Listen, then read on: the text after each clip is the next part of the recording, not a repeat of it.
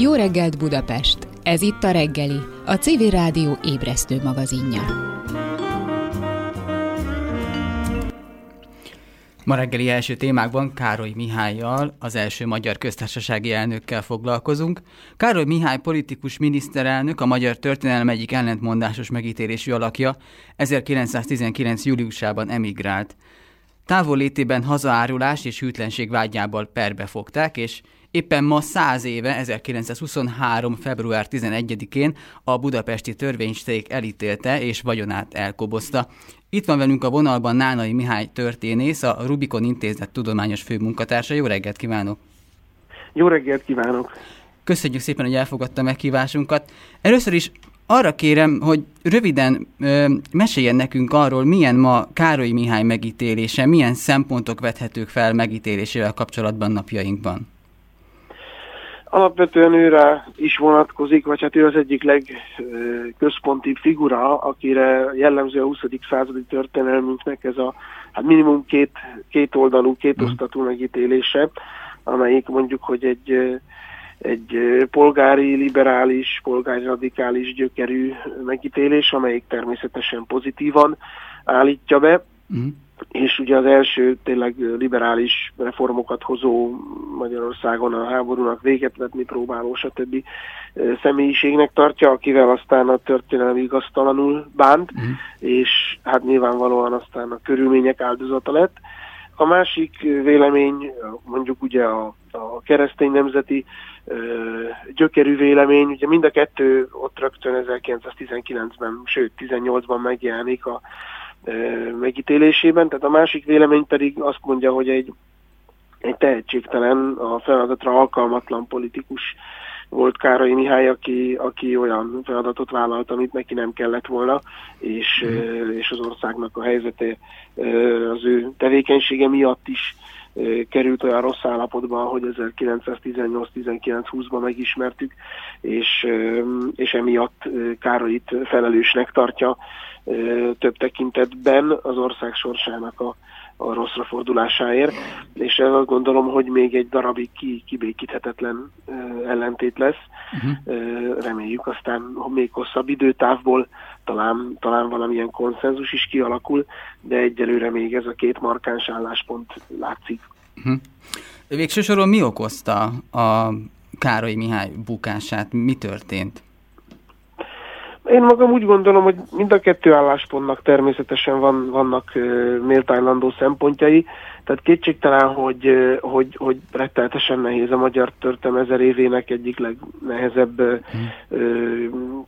helyzete volt ez, egy világháborús összeomlás az ország belső feszültségeinek a, a felszínre kerülésével együtt, tehát hogy nem csak arról volt itt szó, hogy itt békét kellett kötni egy háború végén, ami, ami önmagában egy óriási feladat, hanem, hanem a belső problémái az országnak e, mm. magyar epikumon belül is olyan szociális kérdések kerültek elő, amelyek korábban hosszú évtizedekig megoldatlanok voltak, és aztán ugye nemzetiségekkel együtt is, tehát tényleg.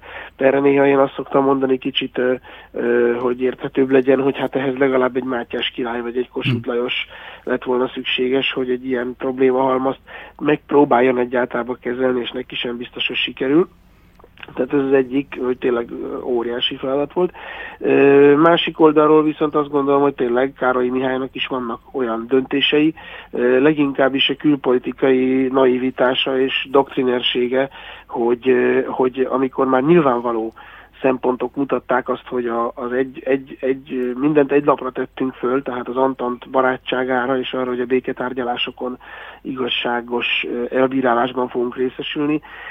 Ez nem egy államférfi ez nem egy távlatos politikusi döntés, uh-huh. tehát főleg egy ilyen bonyolult helyzetben több, több hangszeren kell játszani, és a külpolitikában is több vasat kell a, tűzben tartani, és hát ő erre építette föl Magyarország egész sorsát, a katonapolitikát, minden egyebet, hogy, hogy aztán majd az Antant részéről igazságos elbírálás lett, ami nem, nem, nem történt igazságos elbírálás, hanem nagyhatalmi érdekek alapján bírálták el, és hát ugye ez az a szempont, ami miatt száz év múltán is sokan átkozzák Károly nevét. Uh-huh.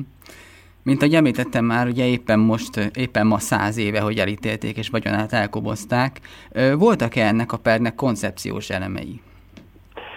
Természetesen, tehát hogy azt nem mondhatjuk, hogy ez a per egy, egy, egy valódi, jól működő és, és objektív igazságszolgáltatáson alapult volna.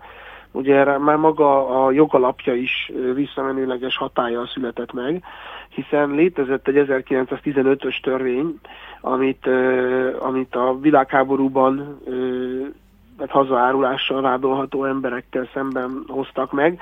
Jellegzetesen ezek nemzetiségi ö, személyek ellen voltak, akik, akik például 16-ban román támadásnál kollaboráltak a románokkal, román nemzetiségiek elképzelhetők voltak, akik hozzájuk csatlakoztak.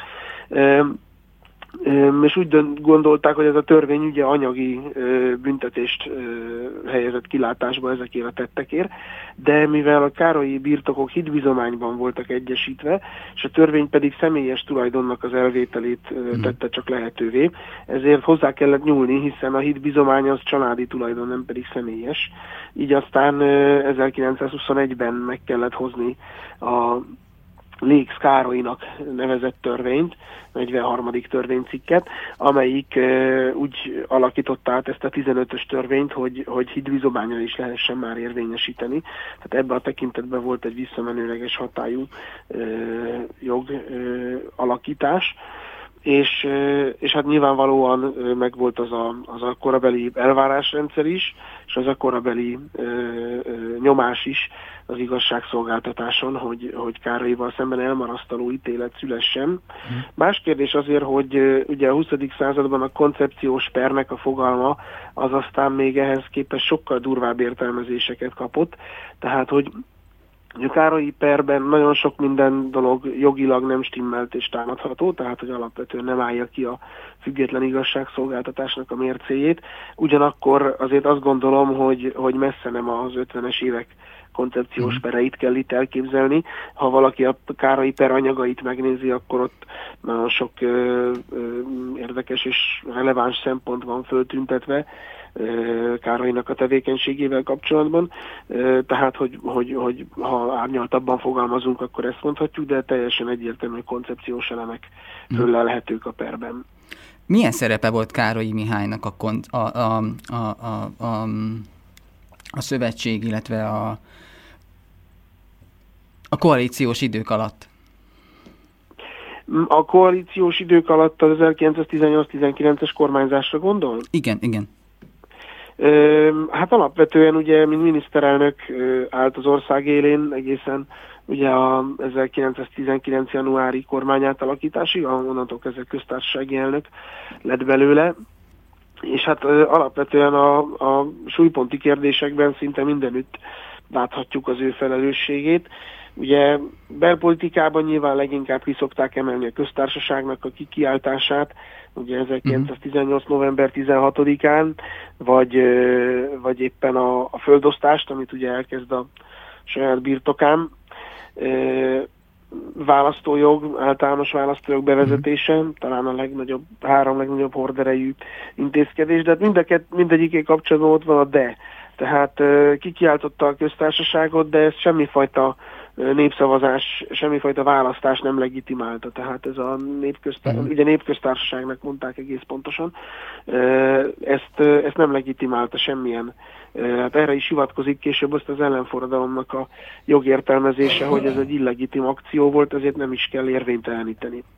Vagy a földreform, ami természetesen nagyon szép dolog, de de hát az, hogy nem követték a földreformot, nehéz helyzet volt, és, és valóban a szociáldemokraták sem akarták, mert ez mentegetődzés, tehát uh-huh. alapvetően nem sikerült végrehajtani a földreformot. Még akkor sem, hogyha saját birtokán kezdte el a, a földosztást, és ez egy nagyon-nagyon súlyponti kérdés, hiszen ez az, ami megadhatta volna a teljes rendszer stabilitását, népszerűségét. Ugye ne feledjük el, hogy a románok ezen közben a föld ígéretével állítják hadseregbe a katonáikat, tehát hogy tíz föld ígérete mellett. Ez, ez, ez a korszakban egy óriási korderejű kérdés Magyarországon is nyilvánvalóan egy sikeres földreform az sokkal erősebb társadalmi stabilitást adott volna egy ilyen rendszernek, ad abszurdum katonai eh, ellenállásra is motiválhatta volna az embereket.